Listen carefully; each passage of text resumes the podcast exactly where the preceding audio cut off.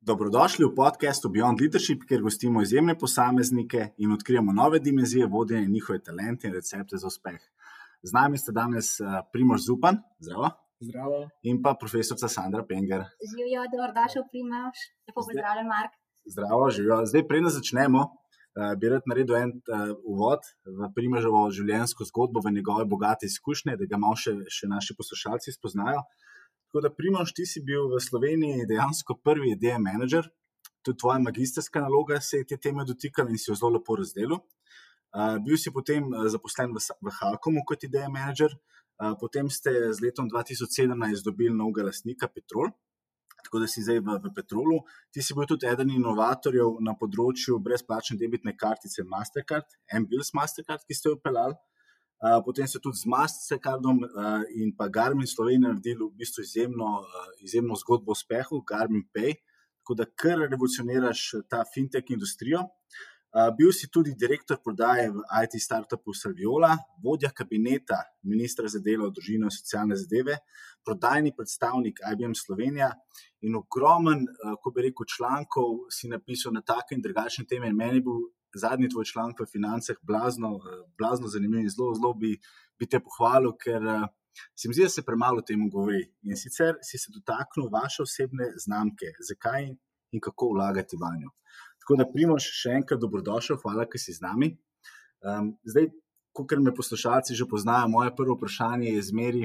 Eh, če bi bila midva sošolca v gimnaziji, kakšen si bil? Si bil zvedav, inovativen? Ja, če bi bila midva sošolca v gimnaziji, bi uh, bila veliko časa skupaj, ker v gimnaziji sem dal večji poudarek socialnim mreži, kot pa uh, drugim uh, obveznostim, in mi je več pomenil uh, na nek način prosti čas. Uh, hkrati pa sem vse čas imel občutek za kolektiv. Recimo, konkretno v gimnaziji sem bil vsa štiri leta predsednik razreda po eni strani, po drugi strani pa, če je bilo treba karkoli organizirati organizirati, sem bil zraven pri organizatorjih raznih zabav, zbiranju sponzorjev, uh, bil sem tudi urednik šolskega časopisa, uh, ki smo ga takrat imenovali malo drugače. Ja, smo v bistvu veliko bolj smo se um, osredotočali na naše medosebne odnose in tudi ta prijateljstva, ki smo jih takrat spletli, so še danes živa in uh, lepo funkcionirajo.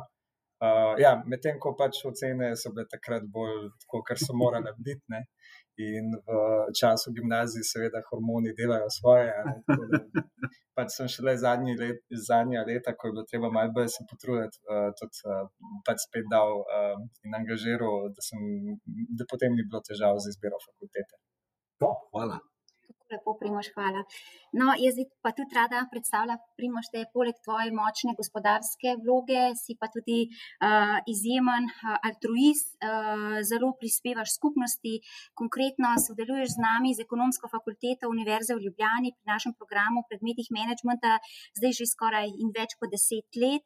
Uh, ne morem mimo misli, da ne bi pohvalila tvoj profesionalni odnos do študentov, do vodenja, do mentorskega programa, pod tvojim mentorstvom kot direktorjem direktorjem iz gospodarstva so magistrirale s čisto odliko, kar tri magistrice. Ko gre tvoja pomoža študenta, je to res na ravni vsakega stavka, vsakega odstavka, eh, redni obiski na predstavitvah, eh, obramb naših magistrov, ki so v sodelovanju s tvojim podjetjem, potem prenos znanja na tvoja inovativna srečanja v petkih, kjer diseminirate znanje v podjetjih.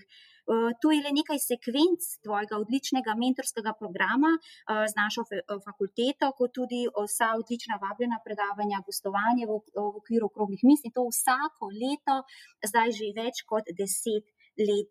Eh, rada bi pa našim poslušalcem povedala, kako konkretno so se spoznala. Bilo je prav na zagovoru ene od tvojih magistric, to se pravi moja mentorska magistrica, ti si bil zunani mentor iz podjetja, naša magistrica Elena. In ko smo prišli v tisto dvorano, kjer imamo mi obrambe, sem videla primoža, prijazno pristopil, dober dan, smem, zelo spoštljivo, smemo posneti, imel si veliko stojalo, kamero, tehnologijo. Jaz sem se spraševala, ja, kaj pa je zdaj to, je to novinarsko središče? Žarišče, uh, ja, smeh, uh, ker je bilo to in to se je zgodilo prvič v moji karieri, v 23-letni karieri, da je prišel direktor podjetja na zagovor svoje zaposlene, torej svoje kandidatke. Uh, kaj želim sporočiti poslušalcem? Res, primož, pri tebi se vidi, da um, res ta teorija pričakovanj v vodenju poznamo, reka, ne, leaders get the performance they expect, to se pravi, ta, temu, če mora pripisuješ pomen, to bomo potem tudi želi, to bomo dobili in ti si vzameš čas za svoje sledilce, prideš, posnameš in to še ni vse. Uh, sledila je diseminacija v podjetju, kamor sem bila vabljena na to inovativno delavnico in še se je to znanje, ki si ga ujel potem s kandidatko naprej diseminiralo. Pa bo moje prvo vprašanje, ali je to intuitivno, ali se zavedaš, da je to ta zanka povratnih informacij, da je to teorija pričakovanj, uh, res izjemno, pa to še ni, imamo še veliko zgodb, ampak res uh, vedno, vedno odzivam v petih minutah in srcem do sočloveka in res uh, predan uh, svojim sledilcem, povej nam, primož, kako je to. Ja, hvala za vse te komplimente. Uh, moram reči, da se vseh teh zadev nisem zavedal do zdaj, dokler nisem bil tako povedan. um, moj pogled je sledeč iz um, študentskih let, ki sem prej razlagal, ne, da sem se pa malo bolj potrudil, ker sem prišel na uh, fakulteto, sem v prvem letniku fakultete imel priložnost v Nemčiji opravljati poletno prakso. In takrat je bilo prvič v mojem življenju, da sem bil kot senca direktorja multinacionalke, ki izdeluje bazene iz nerja večga jekla, uh, vabljen oziroma prisoten na vseh aktivnostih, ki jih je direktor imel. Pa naj se je šlo za pogovore z zborom delavcev ali s poslovnimi partnerji, ali prodajanje rešitev tretjim strankam, sodelovanje v lokalni skupnosti. In takrat me je on um, zelo navdušil s tem pristopom in se rekel, da bom tudi sam, ko bom enkrat v taki vlogi na enak način to počel in na ta način vračal neko to energijo, ljubezen, kako koli temu lahko rečemo, do nekih uh, prenosov znanja tudi naprej. In uh, ko sem začel v Halkomu, takrat kot ideja menedžer voditi uh, interno enoto za razvoj idej, Halkom Studio, smo na ta način vsako tromeseče organizirali nek dogodek, na katerem smo prenesli vse dobre prakse in vse ideje med zaposlene. In konkretno, uh, eden od stebrov, ki sem jih postavil v Halkom studiu, je bila praksa sodelovanja z visokim šolstvom in študenti. Zakaj? Ker tukaj se najbolj sveže ideje generirajo in hkrati tudi vzpostavlja lahko neka trajnostna povezava, ker v inoviranju ustvarjamo novo znanje in če ga ustrezno širimo z izobraževalnimi ustanovami, ki so za to, da razvijajo znanje in ga širijo naprej, se to potem rezultira ne samo v nadgrajevanju rešitve, ampak tudi v razvoju ljudi. In naj, še vedno so ljudje najdragocenejši del podjetja, In če jih na ustrezen način vključiš v ta proces in uh, vidijo, da lahko svojo energijo res rešujejo neke probleme, ki uh, so nam vsem skupni in so zato tudi nagrajeni, um, imajo potem uh, zadovoljstvo že tisto, ki jih žene, da vse čas uh, doprinesejo naprej. Ne? Ja, jaz se res lepo eh, si povedal in dejansko je tvoje vodilo, da je vsak dan potrebno izkoristiti maksimalno, to deliš vedno našim študentom, eh, študentkam in da tvoja pot na tvoji poti v življenju vedno pa naj bo to priložnost za tvoj razvoj ali za razvoj nekoga drugega boš pomagal. In to se je vedno pokazalo, ne na zadnje, tudi ko smo te povabili še na učiteljskem dopustu, si bil hčerkica, bila stara tri dni in ti si prišel med študente, odpredaval s totimi prosojnicami, hkrati pa je sedela v naši veliki dvorani prvorojenka Evelin, ki je imela dve leti in tri mesece in je bila 90 minut je pridno risala v prvi vrsti. Jaz sedela, jaz sem bila z njo, skupaj smo risali, pa že takrat se je pokazala njena izjemna čuječnost. Risali smo tisto kravico, ti si predaval, predaval, ona te je poslušala, odpredaval vseh sto prosojnic. In je vzel seboj na fakulteto, potem se je rekla: No, zdaj smo že narisali to kravico, a ne pa je bila zelo natančna, pa je rekla: Ne, ne, nisva še rep imanka. Tako da te je bistro poslušala in bila že pri dveh letih letih tako uh, uh, res uh, prisotna in sedela na miru, res dve šolske uri. Tako da uh, se vidi, da že otroci, a ne dejansko tvoje vrednote, obeh črkici tudi uh, uh, sprejemata učenje, knjiga in pa odnos do sočloveka. Hvala, Primož. Ja, hvala za to priložnost. Moram reči, da tudi zdaj, ko je že kar nekaj let od tega, ne, se kaže, da v bistvu določene karakterne značilnosti so nek temelj osebnosti in se pozna, da sem tudi potem ob drugih priložnostih uh, imel katero od njih s sabo in zdi se mi to en dober del socializacije. Uh, zdi se mi zelo pomemben, no, da lahko že zgodaj otrokom pokažemo, da v bistvu lahko najdeš neko pot, uh, s katero doprineseš družbi. In je to tisto, kar mislim, da je poslanstvo pri vsakem, da ga odkrije. Uh, in da lahko dela tiste stvari, ki imajo nek učinek. Ne, da... Naši študenti so tako lepo sprejeli, se spominjaš tega ja. dne, opazovali so, kako je lahko biti direktor, oče in predavatelj v enem danem trenutku. Hvala. Ne, top, se pravi, res fantastičen. In uh, jaz bi se reče malo dotaknil. Rekl si, da, da se treba povezati, širiti znanje, absolutno. Tudi ogromno se zdaj govori o inovacijah. Ti si bil prvi ideja menedžer, tudi jaz prihajam iz sfere inovacij, sem bil vodja razvoja v BTC-ju. Um, meni je bil zelo zanimiv stavek, ki sem ga enkrat zasledil v enem tvojih člankov in sicer si rekel, menedžer za ideje mora imeti vsak. In se s tem popolnoma strinjam. Tako da nam malo povej, ker ti si bil zelo, zelo zgodaj na tem področju. Takrat dejansko praktično ne vem, če je bilo že kakšno podjetje, ki je razmišljalo v tej smeri ali pa je imel direktorja za ideje ali pa za inovacije. Uh mhm. -huh. Uh, ja, 2014 sem se v bistvu po nekem naključju uh, ujel v oglas od Halkoma, ki je iskal ideja menedžerja, in takrat ni bilo na trgu, uh, niti po LinkedIn, niti na Google, možno najti um, tega profila, ne, da bi si lahko bolj predstavljal, kaj vse paše pod te zadolžitve, kompetence, naloge in pričakovane izkušnje. No, kljub temu, uh, neke zahteve je Halkom imel in od sedmih sem jih šest izpolnjeval in sem poklical tja, če se lahko prijavim, da je zelo zanimivo. Ne? In so rekli, da ne se kar, da že tri mesece iščejo, pa še menj nisem našel. In sem se potem prijavil, pa šel trikrat na razgovore in to sprejel. No, in ko sem začel um, to vlogo upravljati, sem dejansko, ker sicer sem diplomiral iz kadrovskega menedžmenta.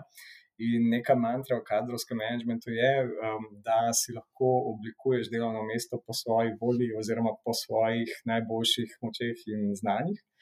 In to sem lahko ravno na primeru tega ideja menedžmenta izkusil, ne, da sem lahko izoblikoval to vlogo v kontekstu organizacije in tudi videl, na kak način lahko res pomagam podjetju in da sem imel zelo prosto pot. Um, in s časoma sem temu posvetil potem tudi strokovno uh, uh, tematiko, da sem se tudi v magisteriju uh, tri leta kasneje s tem še bolj podrobno uh, um, uh, soočil. In leta 2016 je bilo na LinkedIn možno že najti 145 idej menedžerjev, in sem z njimi stopil v stik eh, in jih prosil, če se lahko za magisterij z njimi slišim, da delam raziskavo. In od teh se jih je 12 oglasili iz celega sveta, iz Amerike, iz Rusije, iz Nemčije, iz Švice, iz Indije, uh, Portugalske in vsak od njih je imel neko drugačno ozadje, drugačno izobrazbo in tudi malo vsak znotraj svojega okolja, ker so bili nekateri v korporacijah, nekateri v srednjih uh, podjetjih in nekateri v mikropodjetjih, so vsak znotraj tega imeli svojo vlogo. Zdaj, da se vrnem na izhodišče, ne, ja, vsaka organizacija bi morala imeti nekoga, ki skrbi za proces razvoja idej. Um, iz večjih razlogov gre za to, da je to um, najbolj slabo izkoriščen potencial v vseh organizacijah. Ljudje imamo veliko idej, če jih ne izgovorimo, ne zapišemo, ne preverimo, niso čisto vredne. In uh, če imamo nekoga, ki posebej skrbi za ta proces, ne, lahko uh, ogromno generira na dolgi rok nekih produktov, storitev, rešitev, ki prinašajo nove prihodke ker danes je tek s konkurenco še toliko bolj intenziven. Mhm. In uh, če se ne ukvarjaš ti z nekim problemom, se bo pa nekdo drug in nekdo drug bo zagotovo glede tega nekaj naredil. In tako kot si tudi sam uh, omenil, ne, uh, mi dva sva se tudi v tem času spoznala. Uh, in sem vesel, da smo se, in je to tudi en tak primer medsektorskega ali pa bi rekel povezovanja na drugih ravneh, ne, da lahko v proces inoviranja vključiš bodi si svoje poslovne partnerje, dobavitelje, stranke. Ker pri tem so v inovacijah vedno razmišljali zgolj neki, bi rekel, razvojni inženirji v enih zaprtih prostorih in se niso dali duška, oziroma niso postavili v spredje ali uporabnika ali pa procesa kot tazga. To smo v tem času dokazali in pokazali. In sem vesel, no, da ko pogledamo v LinkedIn, ne, da je iz leta v leto več teh profilov. Je pa res, da nisem še zasledil, da bi obstajala prav uh, fakulteta, ki bi samo za tak profil šolala in dajala kompetence iz izobraževalnega sistema, verjamem pa, da bo enkrat pač to, to kot poklic prihodnosti vključen v, v kurikulum. Top, hvala. Čestitke za tvoj magister in tudi, kar opažam in je opaziti pri tebi, Primož, da znanstveno-raziskovalne koncepte močno povezuješ, razumeš jih, močno prepletaš iz prakso, znanost, zelo jih tudi sam razumeš, vse te tri dimenzije, ne, ko bereš o njih in rezultat tega managementa ideje je tudi nagrada, ki jo je prejela tvoja ambiciozna ekipa NBILS. V letu 2019 ste prejeli prestižno nagrado za najboljšo mobilno aplikacijo e-plačil v srednji Evropi, kar je pa še posebej pomembno, ki vam jo je dodelila Wealth and Finance International mednarodna revija.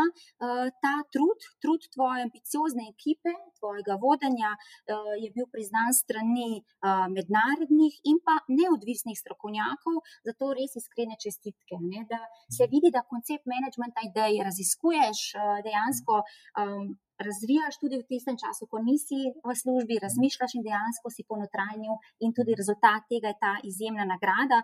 In če pogledamo podatke danes, vidimo, da MBILS denarnico, to je inovativno idejo, uporablja že več kot 75 tisoč, več kot 100 avtorjev. To je pa že novejši podatek, čestitke. Moji podatki so nekaj tednov, mesecev bili starejši, torej čestitke ekipi in za 100 tisoč uporabnikov, slovencev. Kaj pomeni nagrada tebi, tvojemu timu, kakšni so občutki in pa predvsem z vidika strateškega menedžmenta, kaj je bila tista razlikovalna konkurenčna prednost, da vam je uspelo dobiti ugled in pa zaupanje v poslovni praksi in pa doseči vse te nagrade, ki jih je še mnogo, zdaj smo osvetlili le eno, res kot diseminacijo tvojega koncepta menedžmenta idej. Ja, hvala za vprašanje. Gre za v bistvu primer potrditve ideje menedžmenta v praksi. MBILS kot ideja je nastal v inkubatorju Halkoma, ki sem ga takrat vodil kot ideja menedžer. In v tem času je po vitki startup metodi in po različnih teh stopnjah razvoja od prvotne ideje, ki je bila namenjena zgolj plačevanju mesečnih položnic in tega prototipa, nastala mobilna denarnica z preko, vem, trideset funkcionalnostmi, podjetje, ki bo konec tega leta imelo dvajset zaposlenih. Vmes nas je v stoprocentno lastništvo od letošnjega leta vzel Petrol. in ravno ta mesec v, oziroma pardon, ne ta mesec, prejšnji mesec s septembrom smo našo licenco, se pravi dovoljenje za izdajanje e-denarja, upravljanje plačilnih storitev, in kot prvi v regiji imamo tudi licenco za tako imenovani payment initiation service, se pravi za storitve odrejanja plačil, in account information service, storitve zagotavljanja informacij v računu, kar po domače pomeni, da banke morajo odpreti svoje transakcijske račune, da lahko tretji ponudniki, kot smo recimo mi, mobilna denarnica, seveda po sprožitvi ukaza v aplikaciji strani uporabnika pridemo do teh informacij ali pa izvedemo ta plačila. In to je z novo direktivo o plačilnih storitvah so tukaj nove priložnosti. In mi smo zdaj ravno zaključili postopek tako imenovanega passportinga po celi Evropski uniji. in imamo tudi ambicije potem širše v regiji s temi rešitvami priti. in če smo imeli v letu dva tisoč devetnajst tristo tisoč prihodkov, bomo letos kar krepko čez milijon pa pol. In v času korone smo še dodatno rasli in tukaj vidim, da je ta, vsi ti rezultati grejo predvsem na račun ekipe, ker v času ideja menedžmenta smo vedno iskali entuziaste v ekipi, ki so pomagali širiti to idejo in in koncept in razmišljanje. In kot Fintech smo ves čas usmerjeni v to, da razmišljamo drugače od ustaljenih načinov razmišljanja in že postavljenih določenih vzorcev. In to se je pokazalo, da ves ta čas v tem obdobju, odkar obstajamo, podjetje je bilo ustanovljeno potem kot samostojno od leta dva tisoč petnajst na dan mladosti. in in vsako leto dodajamo nove vsebine, nove stvari. In to, kar si ti, Marko, tudi omenil, smo mi zgradili partnerstvo tako z Mastercardom, kot tudi recimo z drugimi bankami. Uh, na primeru Sberbanke smo recimo prvi v, v tem prostoru pokazali, da ni potrebno um, čakati na realizacijo nove direktive o plačilnih storitvah, ampak v primeru, če najdeš na eni strani sogovornika banko, ki želi nekaj drugače, ne, in kot fintech imaš eh, nekaj, kar lahko ponudiš, ne, da se da z boljšo uporabniško izkušnjo in um, neko preprosto dostopnostjo doseči veliko več. Um, zdaj, uh, v teh rezultatih, ki smo jih pa dosegli, je pa tako, da vedno damo uh, v bistvu znotraj ekipe, a ne vsak skrbi za določeno področje, in pri meni pač velja pravilo tako imenovanega horizontalnega vodenja. Ni to kot pravilo, ampak na tak način, da imam svojo vlogo in od ekipe, um, ekipi zaupam. Da bo recimo naš razvojni arhitekt uh, našo kodo naredil najbolj kot ve in zna, in to tudi počne. In um, vsak od naših uh, sodelavcev v ekipi dojema sebe kot del ekipe, ravno zaradi tega, ker je v svojem področju boljši in ve več, recimo, od mene. Moja vloga je pa ta, da vse skupaj potem povežem v isto smer. In seveda pride do raznih izzivov. Recimo v letošnjem letu se je to pokazalo na primeru, ko smo prvič lansirali Mastercard kartico leta 2018, smo jo preko podjetja Wirecard. Eh, ki je imelo letos pač eh, zgodbo, o kateri vsi že vse vemo, pa je ne rabim razlagati, ampak eh, zaradi tistega primera so naše MBS kartice, ki jih je izdal Wirecard v Veliki Britaniji, čez noč nehale delati. In ker sem imel res um, super ekipo in bilo je še ravno takoj po državnem prazniku, ko so bili ljudje še na dopustu, podaljšanem vikendu, smo se nadaljavo zorganizirali in uspeli zagotoviti nove kartice, ki jih sami izdajamo v šestih dneh. In v bistvu tako nadomestili vsta um, izziv, ne, in hkrati so naši uporabniki še vedno lahko uporabljali mobilno denarnico, se pravi aplikacijo, zaradi ker v bistvu sploh obstajamo, da enostavno plačaš na prodajnem mestu samo z uporabo mobilnega telefona, pri čemer nisi odvisen od kartične infrastrukture, post terminala in trgovci ne potrebujejo dodatnih naprav, da sprejemajo en bil splačila ker so integrirane ta plačila direktno v blagajno. In to se je recimo na tem primeru tega incidenta, če tako lahko rečem, pokazalo, ne, da je zaupanje, povezava med nami in verjamemo, pač, da lahko nekaj dobrega ponudimo, tisto, kar je na koncu dneva uporabnikom pokazalo, da smo vredni zaupanja in da lahko upravičimo vse, kar pač jim obljubimo. Zdaj, zelo dobro si izpostavil več stvari. Dve stvari, kateri bi se jaz dotaknil, je vloga vodje, pa hkrati vloga ekipe. In tudi jaz sem zagovornik, da je treba ekipo ponomočiti, eh, da jih je treba spodbujati, da se moraš obdati z ekipo, ki ima dejansko mogoče celo več, oziroma je preferirano več znanja na določenih področjih, in ti kot vodja v bistvu gradiš na razmerih. Tako da mene zanima, ko si ti postavljal to ekipo, eh, ki si rekel, da bo zdaj malo dopolnila 20 članov, na kakšne lastnosti si bil pozoren, kaj je bilo tebi tisto ključno, da si rekel, ta oseba pa primerna za mojo ekipo pa hkrati, če boš pol malo se še dotaknil, kakšne lastnosti ti meniš, da mora danes v tem eh, zelo zanimivem, hitrem, sodobnem svetu imeti vodja. Uh, za prvo vprašanje, kako sem sestavil ekipo, vse čas sem imel v spredju, uh, bi rekel, bolj karakterne in značajske, značajske lastnosti, ker po izobrazbi smo zelo različnih profilov. Tukaj imamo v ekipi kolegico, ki zaključuje doktorat iz laboratorijske biomedicine iz, in je magistrirala tudi eh, iz tega področja. Potem imamo japonologinjo, učiteljico razrednega pouka, modno oblikovalko, uh, imamo matematike, imamo fizike, imamo kaj imamo še seveda ekonomiste, eh, pa sociologe, kadrovike, vse pač profile, ne, recimo različne. In uh, ravno ta mešanica, uh, že iz izobrazbenega stališča gledano, je nekaj, kar nas bogati. In ker smo v branži, ki ima, uh, oziroma naše podjetje razvija neke nove rešitve, in je težko na trgu dobiti nekoga, ki bi to že vse poznal. Um, moramo veliko tega znanja sami uh, in ustvariti in prenesti naprej.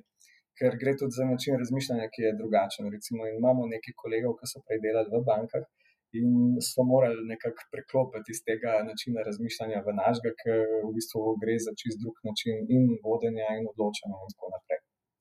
In kar smo vedno iskali v ekipi, je bil ta žar. Se pravi, če je nekdo, ko je prišel na razgovor, pa niti ni vedel, oziroma jaz sem vedno vprašal, no, in kako najpogosteje plačuješ z našo denarnico. In je bilo kar nekaj primerov, ko so pač uh, povedali čist na robe, ne, da pač uh, niti niso vedeli, o čem so govorili. Ne, oziroma, pač to je še slabše, ne, ne pa je bilo pa celo takih, ki so bili zauzeto proti. In potem pač je bil to že en velik faktor, kljub temu, ne, da mogoče po izobrazbi in drugih izkušnjah bi lahko ustrezali. Ampak moj pogled je ta, da mi moramo imeti okrog sebe ljudi, ki verjamejo in ne moreš zgubljati interno z ekipo energijo. Na tem, da boš interno nekoga prepričal, ki ima pač svoje prepričanje, in ima vso pravico do tizga, in pač to spoštujem. Ne? In ekipo sem vedno gradil na ta način in se vidi, da potem tudi vsi ostali, ki so prišli, pa zdaj, ko iščemo recimo nove sodelavce, ne, se tudi oni vključijo, ne, imajo na enak način gledajo. Ne. Tako da eno je čista strokovni vidik, ki ga seveda nekdo more poznati, ne, če se išče nekoga za plačilni promet, moraš najti nekoga, ki to že dela. Ne. Potem je pa ta, um, rekel, psihološki in um, karakter kot tak, ne, ki potem se gleda, ali energija v bistvu se ujame na obeh straneh. Zdaj, drugo vprašanje, kakšen je bi bil pa vodja? Ja, danes, ja. da danes je zelo uh, zanimiv svet. Ja.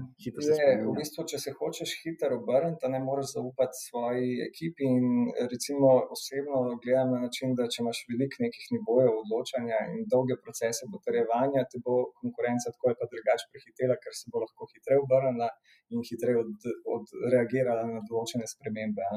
In uh, v kakšnih situacijah enostavno ne moreš čakati veliko potrjevalcev, da bo nekdo na koncu nekaj uh, dovolil, da se nekaj zgodi. Ne? In mislim, da je zdaj čas, ko je treba gledati na stvari bolj pragmatično. In, vem, če v prostoru nekaj gori, ne rabiš imeti tri, da ti potrdijo, uh, da moraš pač vzeti gasilni aparat in pogasiti, če se kar, kar, če malo karikiramo. In vodja eh, v teh razmerah mora biti eh, na eni strani toliko eh, pripravljen zaupati svoji ekipi. In seveda pustiti, da se bo zgodila kakšna napaka, in tudi nam se je mrzka kakšna napaka zgodila, ampak je vedno pravno v redu, smo pa, kaj smo se pa naučili in zaradi česa smo zdaj za naslednjič bolj pripravljeni.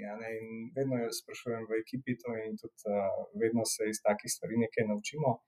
In sem pristaš tega, da se napake, v bistvu, ki se nam zgodijo, nas v resnici še bolj bogatijo, ker raziščeš še en drug aspekt ene ideje, ki ga prej nisi mogel na noben način predvideti, kot tako, da se je nekaj pač zgodilo.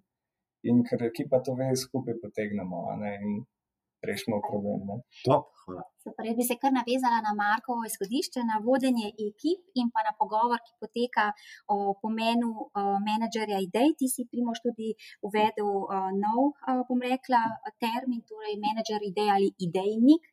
Kot prvi pri nas, in navezala bi se tudi, kar si nam zdaj zaupava. Ne? Dejansko vedno trdiš, da uh, vsaka ideja šteje, da ni napačnih idej, so pa lahko le te napačno vodenje.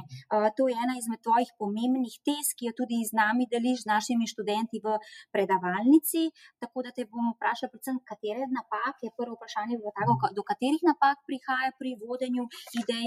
Drugo bi pa rada osvetlila, da menedžer idej, to se pravi vloga idejnika, je pozitivno in neposredno povezana z uspešnostjo inoviranja. Če bi postavila eno tezo v članku ali pa v prihajajoči doktorski dizertaciji.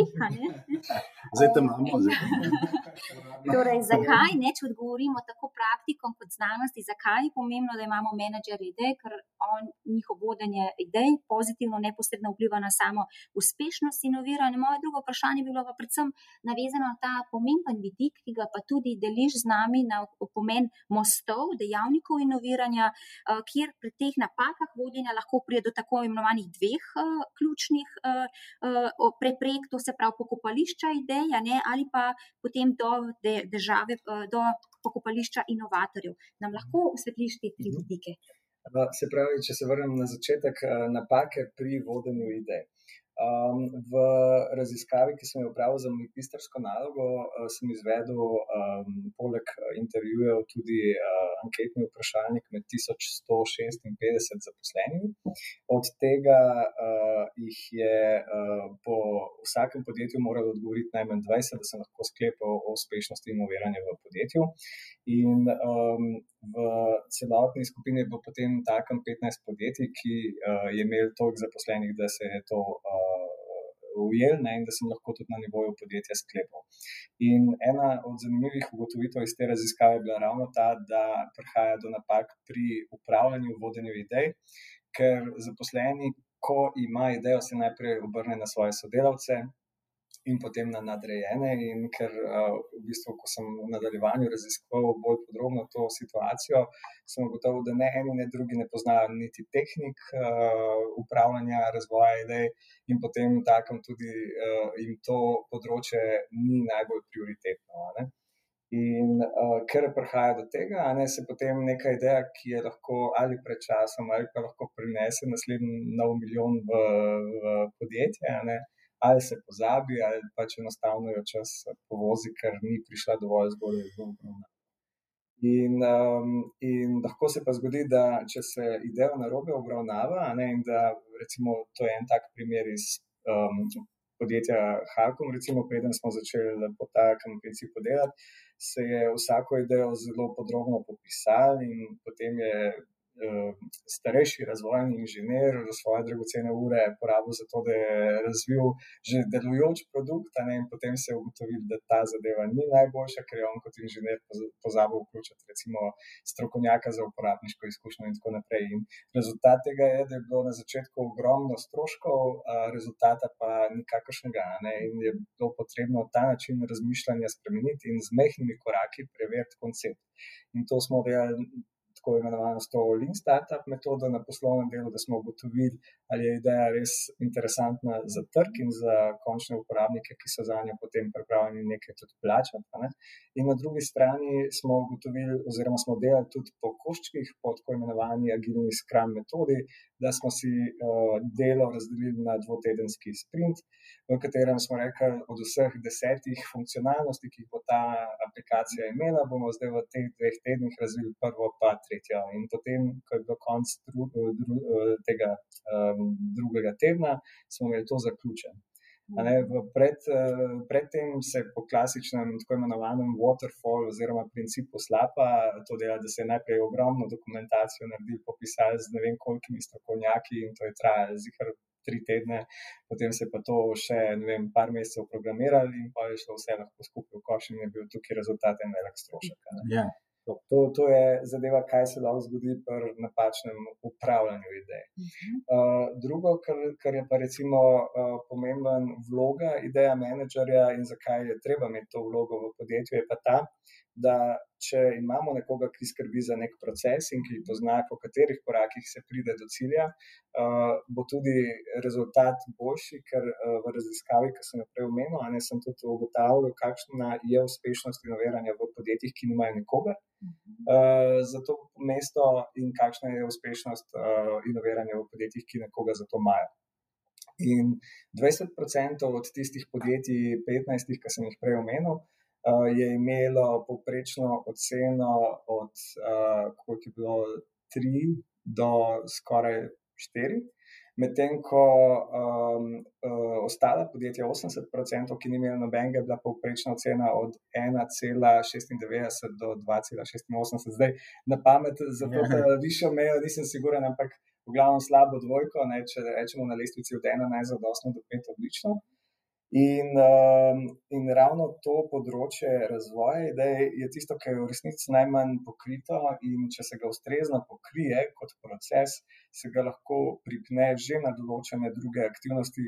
Nekatera podjetja imajo lastne razvojne oddelke ne, in lahko tukaj dodatno potem pospeši razvoj res naprednih, inovativnih funkcionalnosti, da se podjetje ne ujame v past sledilca konkurenci, ker potem vedno samo kopira, kaj je konkurent prvi postavil na trgu in nikoli v resnici ne ve, kaj je tisto vzrok, zaradi česar je neka inovacija nastala. Ne? In, uh, in vloga ideja menedžerja je ne samo ta procesna, da pozna ta proces, drugo je, da priskrbi vere, se pravi ljudi, um, vem, finančna sredstva, čas, prostor, da se take stvari preverijo. In tretja, da je tudi hkrati komunikacijski kanal na vzven. In kot smo se mi dva ravno zaradi tega z Markom spoznala, uh -huh. ker smo mi inovirali v Hakomu in on na BTC, smo potem skupaj tudi en zelo uspešen projekt naredili, delavnico of Banking s študenti. Uh -huh. Uh, kjer smo te uh, vidke pristope inoviranja v meddisciplinarnih in mednarodnih študentskih timih iz ekonomistov in bodočih uh, razvojnih inženirjev uh, testirali v živo in to je potem tako zgleda, da so prišli um, štiri, štiri skupine študentov po pet iz različnih držav iz cele Evrope. Uh, so šle v BTC-ju, smo jih poslali um, med ljudi in so morali ugotoviti, kako ljudje plačujejo in kaj jim najbolj paše, in kako bi oni najraje in kako jim lahko rešimo problem. In hkrati pač to v BTC-ju, ki ima pa tudi interes, kako znotraj svojih vsebin, ki jih ponuja, ne, nadgraditi to ponudbo na nov način in pristopiti na drugačen način do kupcev. In uh, to je bil en tak lep primer dobre prakse, ki ni bila, recimo, samo družbeno odgovorna, da smo na študente prenesli ja. neka nova znanja, ampak da smo dejansko skupaj z enim poslovnim partnerjem prišli do nekih novih ugotovitev, novih prototipov in tako naprej. Super moram reči, kako si primaš vedno vesel vprašanj, vesel, da prispevaš, s kakšnim veseljem, kad te tudi opazujemo tu v studiu, uh, odgovarjaš in takšen si vedno, kadarkoli te pokličemo ali pa prosimo za gostovanje, tako da res uh, se vidi, da področje živiš. Ne, to moram reči, da je res odličen projekt, eh, res smo ful dobro sodelovali.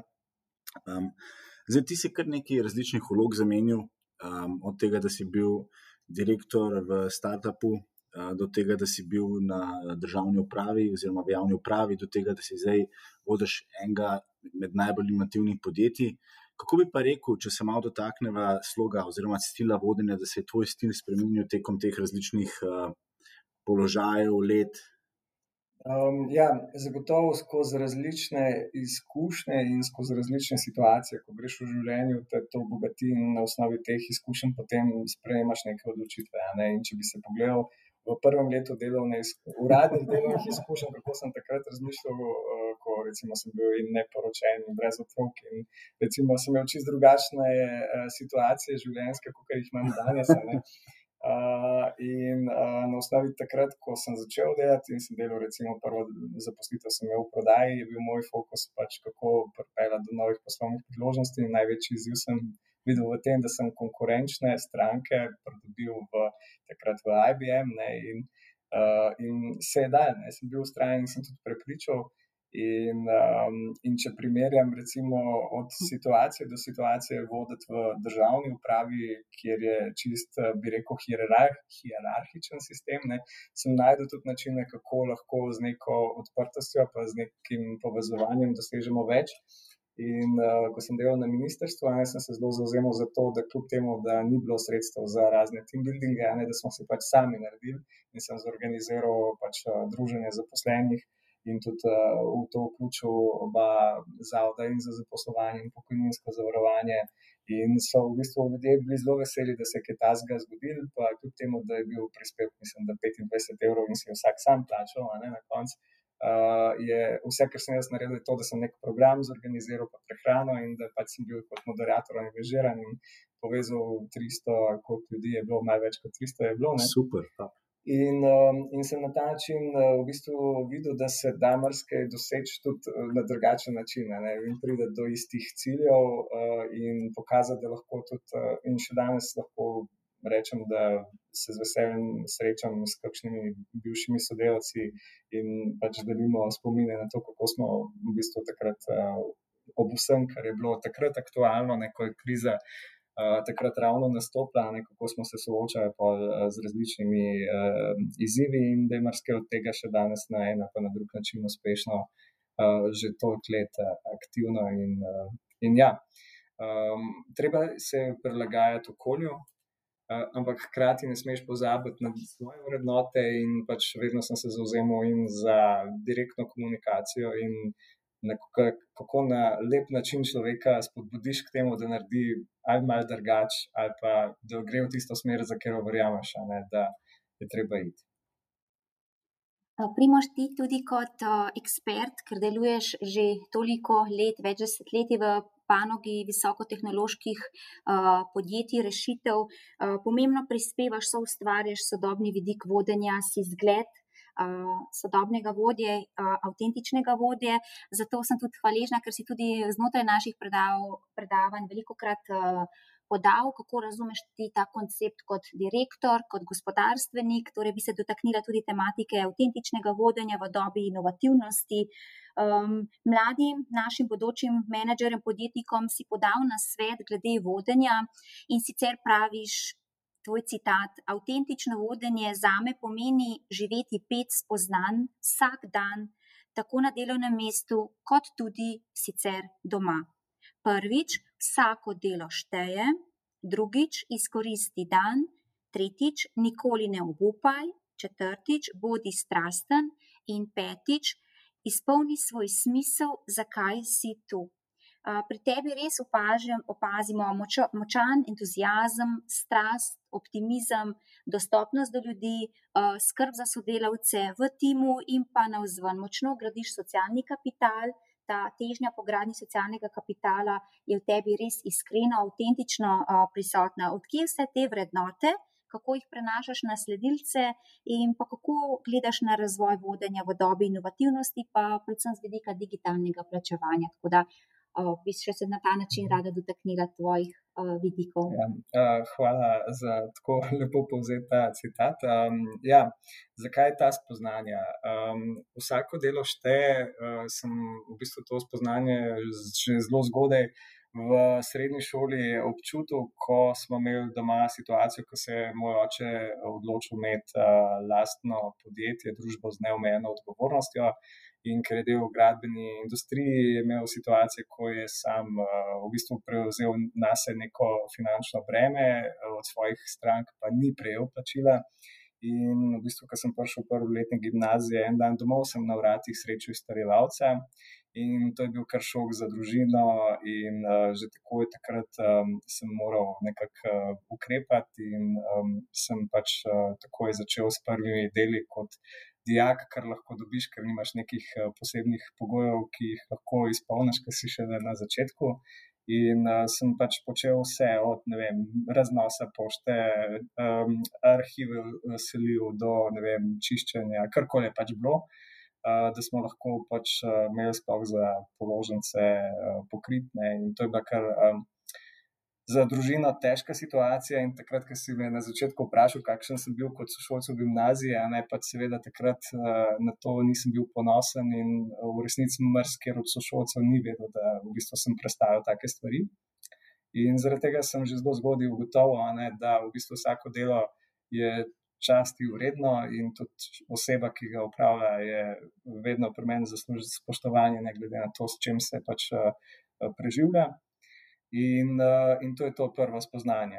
Drugo spoznanje je, kako sem prišel do tega izkoristiti dan, čeprav je zelo klišejsko. Uh, leta 2003, v prvem letniku faksa, sem imel uh, prometno nesrečo, ker sem zaspal za volanom v nedeljo zjutraj, predtem sem štiri dni uh, čez dan delal prek študenta, tri različna študentska dela, zvečer pa kot študent sem pač hodil po zabavah. Ne. In pač četrti dan zjutraj ni bilo več za dost kave, pred da bi pač ostal. Uh, po koncu, ko sem se vračal iz zabave in sem zaspal za volanom in sem se zaletel. Uh, Pri Trojanah je bilo to, tam je bilo včasih križišče, danes je krožišče, ko se pride od Trojanske gostilne na avtocesto. Uh, in to je bilo nedeljo zjutraj, jaz sem se zbudil v ponedeljek zvečer, vmes ne vem, kaj se je dogajalo, ampak sem bil cel mesec na traumatološki kliniki.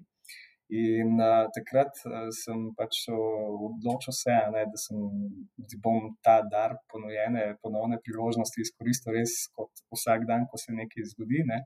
In mogoče se mi je mal nasmehnila sreča, hkrati pa na drugi strani res, ko so prišle neke neki impulzi, da ne, lahko grem v društvo študentov kadrovskega menedžmenta. Se rekel, seveda grem, nekaj sem to študiral in sem pač postal aktiven in postal predsednik tega društva.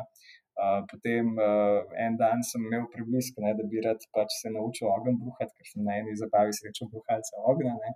In sem se v istem letu odločil in vstopil v crkveško gledališče, ne, ker so pač tam to delavnico imeli. Ne. In pač uh, to je tako izgledalo, da sem na internetu videl ta oglas in preden sem stisnil sence, rekel, če mi odgovorijo, da me spremljajo, potem je to uh, mišljen, da je to usojen, ne, da pač nekaj iz tega bo. Ne, in uh, še prej sem stisnil sen, sem pa še malo si predstavil, ne, da v prostem času rad plešem, pa da sem bil v srednji šoli v improgledališču in tako naprej. Ne, no, in pa sem bil povabljen na audicijo. In ko sem prišel tja, sem odpisal tri pesne točke v Kudu, France, Prešeren in tako prišel v cirkuško gledališko skupino Artizani, s katero sem potem pet let uh, sodeloval in smo šli po celi Evropi. In potem je bila še druga generacija te skupine, ki je šla pa še v Azijo. In uh, ja, to je bilo eno zelo, zelo, kot pravim, izkoristiti uh, dan. Ne, uh, pač dejansko sem ga na tak način. Uh, dojemal in vsaka priložnost, pa vsako neko spoznanstvo, prijateljstvo ali pa nek projekt, ki se je dogajal, sem vedno bil skozi to, moram zdaj, ker ne vem, kako je, pač pa to še traja. Tako da, ja, no, in, in, in to je to spoznanje, ne potem um, nikoli ne obupati, sem se naučil ravno to 2003, bilo očitno neko tako prelomno leto. V vseh ozirih, ker sem se odločil iti na to prakso, na katero sem se že prej uh, uh, spomnil. Ne. Ni bilo tako enostavno priti do tega, ker je bil sistem tak, da si moral dobiti potrjen obrazec Nemškega zavoda za poslovanje od svoje gimnazije, da znaš uh, nemški jezik. Ne. In ko sem jaz prišel na svojo gimnazijo s tem obrazcem, je pomočnica ravnatla to zavrnila, ker je bil obrazec v nemščini, ona pa je hotela, da grem do notarja to prevesti v slovenščino in da bo polno to podpisala, ker je tukaj Slovenija. In seveda pač eh, se to ni šlo, ne, ker kot dijak oziroma študent nisem imel še rekel, niti ne časa, niti denarja, da bi se s tem igral. Ne. In sem pač kot študent eh, tudi uh, malo v turističnih teh vodenih uh, sodeloval, ker sem znal nemško ne, in sem pač naletel na skupini na enega gospoda, ki je bil direktor te firme, kjer sem prej omenil. Ne. In se mi je vprašal, kako pa je tukaj ne, v Sloveniji. Tako, in nisem mogel, kaj, da nisem jezno delil tega razočaranja, ki sem ga doživel v taki situaciji. Ne. No, in uh, je on rekel, jaz ti pa dam izziv, lahko prideš k nam ne, in prideš lahko. In sem rekel, kdaj pa, ne, rekel, ja, tako je naslednji mesec. Ne, in potem sem spakiral in sem šel. In sem bil pač poletje tam na tej praksi, in zadnji dan sem šel na pošto, kupil kartico in sem pisal tej pomočnici, da sem jim neizmerno hvaležen. Ne. Da take prakse zagotovo ne mogo na noben drug način dobiti. In sem začel potem gledati, ne, in to je ta nikoli ne obupaj, ne, da je vsaka taka preizkušnja, ki na nek način te provocira, ne, je v bistvu preizkušnja tvoje vere v nekaj, ne, koliko močno verjameš, da je to to. In se potem izkaže, ali pač uh, prideš skozi ali ne. ne. In potem ta strast, ne, o kateri pa govorim, je to, ne, da v bistvu moraš vse čas biti strasten okrog tega, kar te zanima, ne, ker te to vleče naprej. Tudi ko imaš kakšne, ne vem, tudi tako kot je vreme, ne imaš daš pa sonce, ne, tudi v vsak dan v življenju prihaja do trenutka, ko je včasih malo težje, ali pa ne vem, kdo ostane z levo nogo, ali pa po noč ne spiš, ko se otrok zbudi, ali karkoli. In pač, ja, če imaš to strast, ne, lahko s tem potem zložiš vse take ovinke. Ne, in pač ko pa najdeš svoj smisel, se mi zdi, da je, v bistvu, je to ena najtežjih stvari, da ugotoviš, zakaj si tukaj. Ampak, ko imaš vse občutek, da misliš, ne, da si eh, nekako prišel na to pot. Ne, Uh, in to se mi zdi, da se potem sešteva skupaj z, ve, z večjih strani, ne? ali pač se dobro ujameš in z kolektivom, z ekipo, s katero delaš. Potem stranke so zadovoljne, ne vem, so neki rezultati in potem lahko nekako povežeš s temi spremembami, ki jih puščaš, ne? da očitno je namenjen, oziroma da je na nek način usoda. Lahko tako prepletena, ne, da to realiziraš. Hvala, Primoš, kako lepo si osvetlil in res toliko življenja v tvojih mislih. Uh, hvala. No, res, res, hvala, ker si delil z nami te, te zelo osebne zgodbe, res nori nauki. Um, Deva se dotakniti tega članka, ki se ga imamo pred kratkim v financah, ki je zelo impresioniral in sicer govoriš o vaši osebni znamki, zakaj in kako vlagati. No. Da nam malo predstavi pa našim poslušalcem, v bistvu, zakaj se ti zdi osebna znamka to pomembna.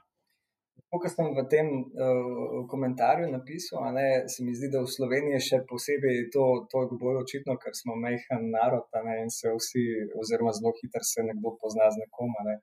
In je ta osebna znamka, kljub temu, da bi rekel, da se to uh, vsebino ali pa to razmišljanje ne postavlja tako v spredje, se mi zdi pomemben, da bi se pa moral začeti ne, o tem veliko razmišljati in govoriti ker na koncu dneva vsak od nas ima svoje ime, pa priimka in vsak od nas uh, pač z svojim bistvom ne, pušča neko sled.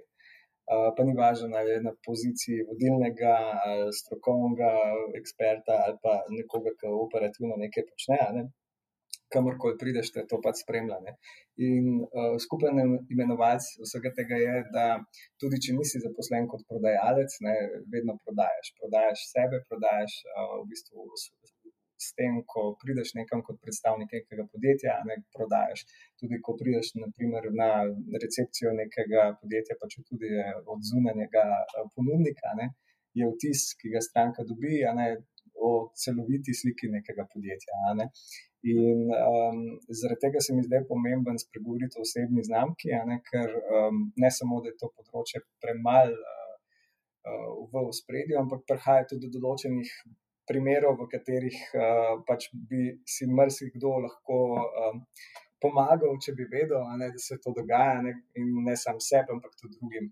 Recimo, prihaja do tega, da um, ko naprimer, uh, nekdo uh, zelo hitro napreduje. Ne, uh, ma, naprimer, uh, večkrat sem imel v svojih različnih službah priliko videti, pa ni važno, da je šlo za državno upravo ali pa podjetje. Ne, ko je nekdo iz med vrst kolegov napredoval na boljše vodstveno mesto, se kar čez noč spremenil v obnašanju. Ne, in ker naenkrat je bil ali manj dostopen, ali pa celo v bistvu je hotel druge vnaždajati pač v današnjem konceptu, ko se pogovarjamo o novem vodenju, se mi zdi, da take stvari pač ne prenašajo nobenega, nobene koristi, ne za tega posameznika, ne za kolektiv, ne za podjetje. Ne? In se mi zdi pomembno, ja, ja. da se pač zavedamo, da s tem razkraja neko uh, klimo v organizaciji.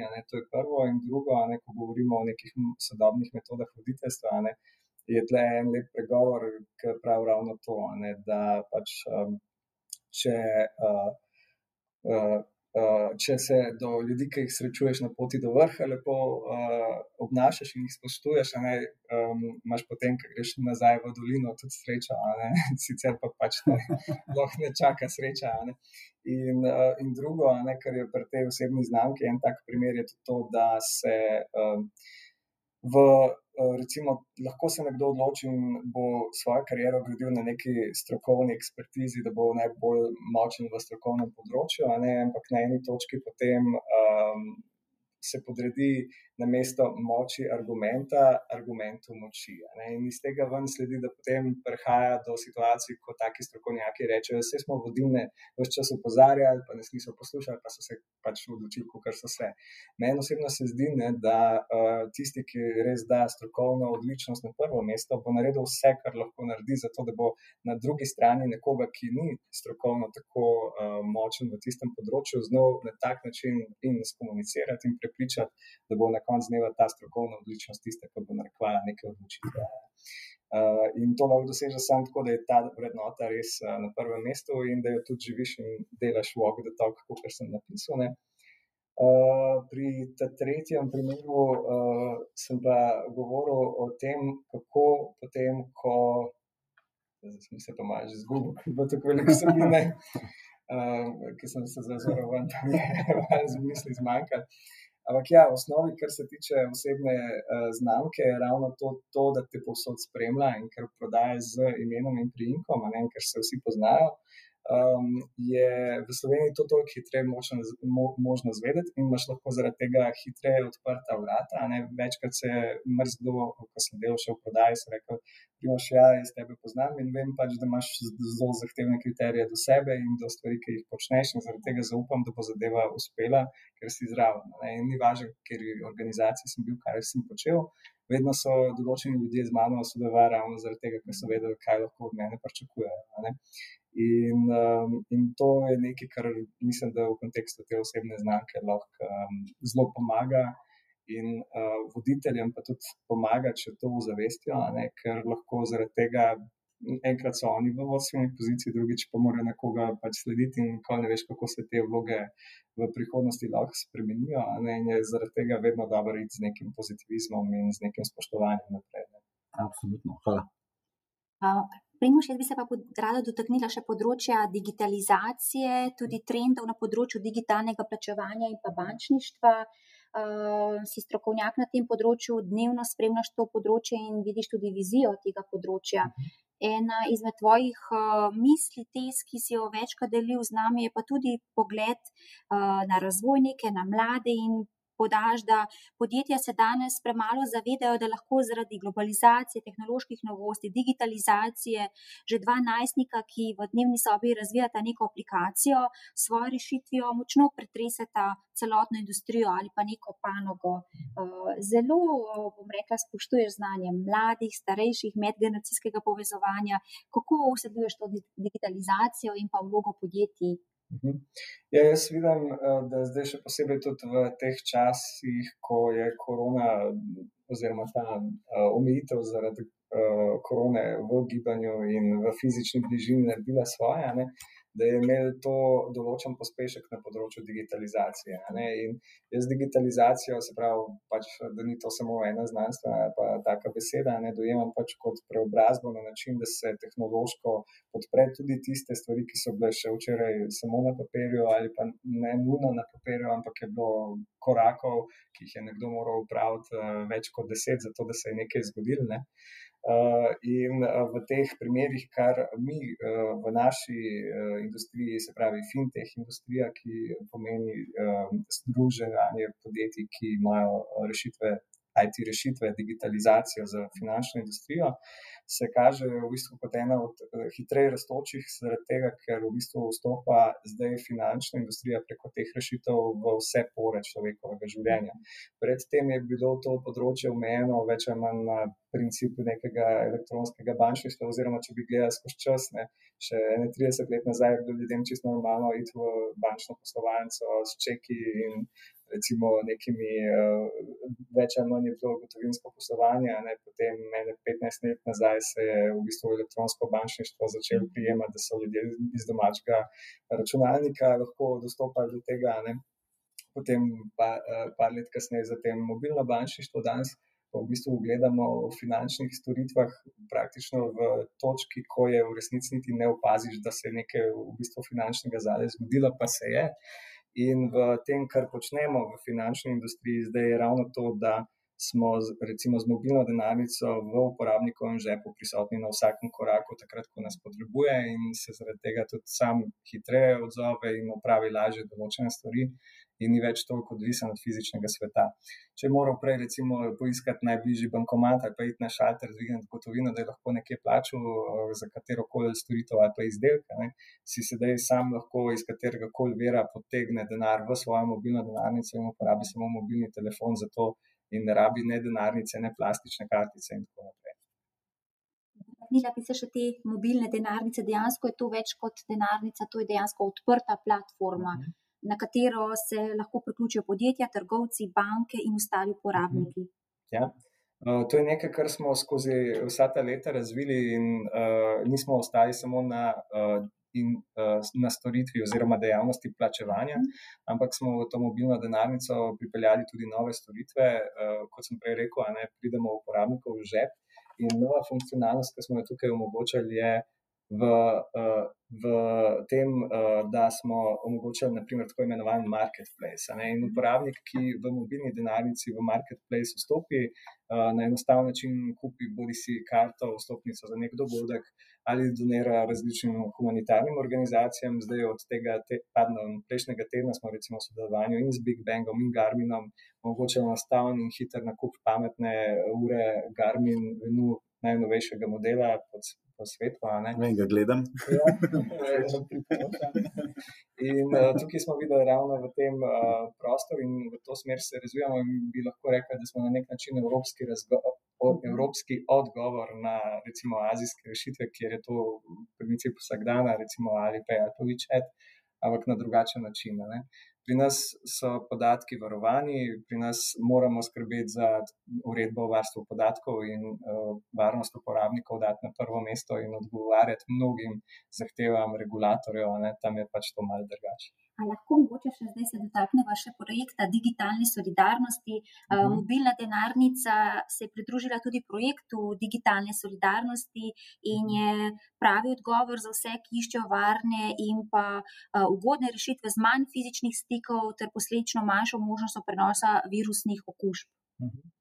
Ja, pri plačevanju z mobilno denarnico MBIS, za razliko od uh, kartičnih plačil, kjer mora uporabnik še vedno na postterminalu z prstom se dotakniti terminala, številčnice in tipkati, ne? pri nas to gre popolnoma brez uh, stika na razdalji 1,5 do 2 metra, a ne se z mobilno denarnico lahko enostavno plača, tako da skener od blagajne pa skenira kodo v mobilni denarnici in je v mikrosekundi opravljeno plačilo in cela specifikacija računa brez papirno prenešena. Zdaj ta digitalna solidarnost, k temu smo pristopili iz večjih razlogov, predvsem zaradi tega, ker spodbujamo um, zavedanje o digitalizaciji in na ta način smo želeli spodbuditi tudi uporabnike, ki so se iz katerega koli razloga bali digitalnega sveta, tako ali drugače, da lahko na um, neškodljiv in prijazen način ugotovijo, da jim marsikaj to olajša. In šele potem, ko testirajo in vidijo, da nič ne boli, uh, se potem tudi v navadah uh, postopoma začnejo spreminjati in to, kar mi počnemo, je spreminjanje navad. Se pravi, da tudi zdaj vidik pandemije, uh, kako je ta pandemija spremenila navade plačevanja slovencev in kaj lahko še zdaj pričakujemo v teh tednih, mesecih prihodnosti. Ja, tukaj v bistvu je moj oseben pogled na naslednji. Predtem je Evropska centralna banka naredila raziskavo o uporabi gotovine v Evropi in seveda je bila Slovenija tudi ena od teh držav, ki so bile vključene v to raziskavo. 80% številčno vseh transakcij je bilo gotovinskih, 70% pa po volumnih. In v času korone smo občutili izjemno rast, ko je bilo omejeno gibanje, smo mi še bolj rasteli. Ne? In tukaj vidimo ravno ta pospešek v tem, da ker fizično ni možno iti ali po gotovino, ali je bil delni čas bank uh, bistveno skrajšan, dostopnost do tega bistveno otežena. Smo zaradi tega z mobilnim telefonom prisotni vse posod in to je nekaj, kar so v Afriki že zdavnaj ugotovili. Ja. Sicer niso šli v tako napredno tehnologijo, kot jo mi tukaj ponujemo, ampak koncept tega, da lahko z mobilnim telefonom plačuješ, je v bistvu se ravno tam pokazal, ker je geografska razdalja in vse te izzive bilo treba na drug način rešiti. In to, kar smo mi tukaj naredili, so pa dodatne vsebine, ki pa ne samo olajšajo, ampak tudi uh, stimulirajo ljudi, da si najdejo tiste stvari, ki so njim najbolj pisane na kožo. Malo se še dotaknem, zelo ogromen eh, izjemnih informacij si delil z nami.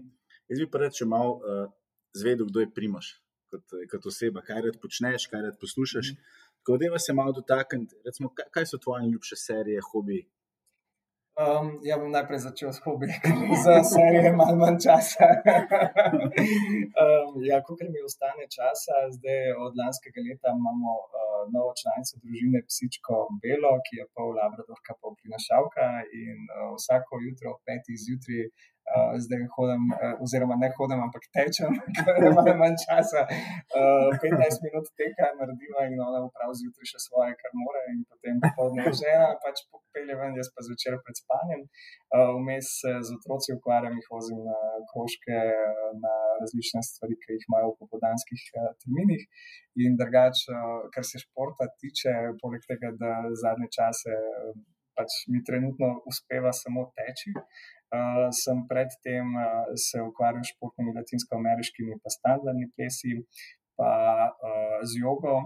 Uh, pa v gimnastičnem centru sem se eno leto aktivno udeleževal, pa v zadnjem dva tedna nazaj sem šel prvič v življenju na plezalno steno in sem odkril neko novo vesolje, če temu lahko rečem.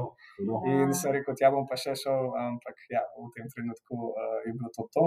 Kar se pa serije tiče, ja, um, igra prestolov me je res potegnila, moram priznati. Ne se vse, ja. ja drugač pa razne serije, ki imajo neko zgodovinsko zgodbo v zadnji, pač od razno raznih teh kraljev in tako naprej. Se mi vedno zdi zanimivo skozi zgodovinsko perspektivo gledati, kako se v resnici take stvari na tak podoben način realizirajo tudi danes. Primož, mene pa zanima, kaj si na profesionalnem področju še uh, želiš doseči? Doktorata, ki si ga prej uradno naznanil. ja, ja, kaj si želim doseči? Um, v bistvu moj uh, oseben cilj ali pa ambicijo vidim v tem, ne, da za razliko od drugih uh, ponudnikov fintechov, ne bi rad tukaj postavil um, ne samo v regiji, ampak prvi dobičkonosni fintech na področju plačevanja. Ne, ker področje plačevanja samo po sebi ne prinaša nekih bajnih dobičkov, ne, če ga ne apliciraš na ustrezen način. Tako da to je en tak moj oseben cilj. Uh, verjamem pač, da s tako ekipo, ki jo imamo tukaj, ki smo mrske že dokazali, da lahko ta cilj dosežemo in to ni samo moj cilj, ampak pač cilj cele ekipe. Uh, in seveda spremeniti te navade v razmišljanju, v plačevanju, v finančni industriji, ker je treba pripraviti uh, podlago za generacije, ki so že danes rojene in prihajajo v to obdobje in jih je treba finančno pismeniti. Ja, enkrat doktorat, čim prej, uh, dokler, dokler je še možno tako nadaljevati, tudi pridete v poštev. Um, in ja, po drugi strani pa pač si želim biti uh, uspešen in dober oče in mož, ne, in seveda pač tudi sin in brat, uh, da v bistvu te vloge tudi ne trpijo zaradi tega in najti ravnovesje tako med poslovnim kot zasebnim. To je tisti največji izziv in takrat, ko mi bo to uspelo, najbolj srečen, ker bo ravno odpravil vsega.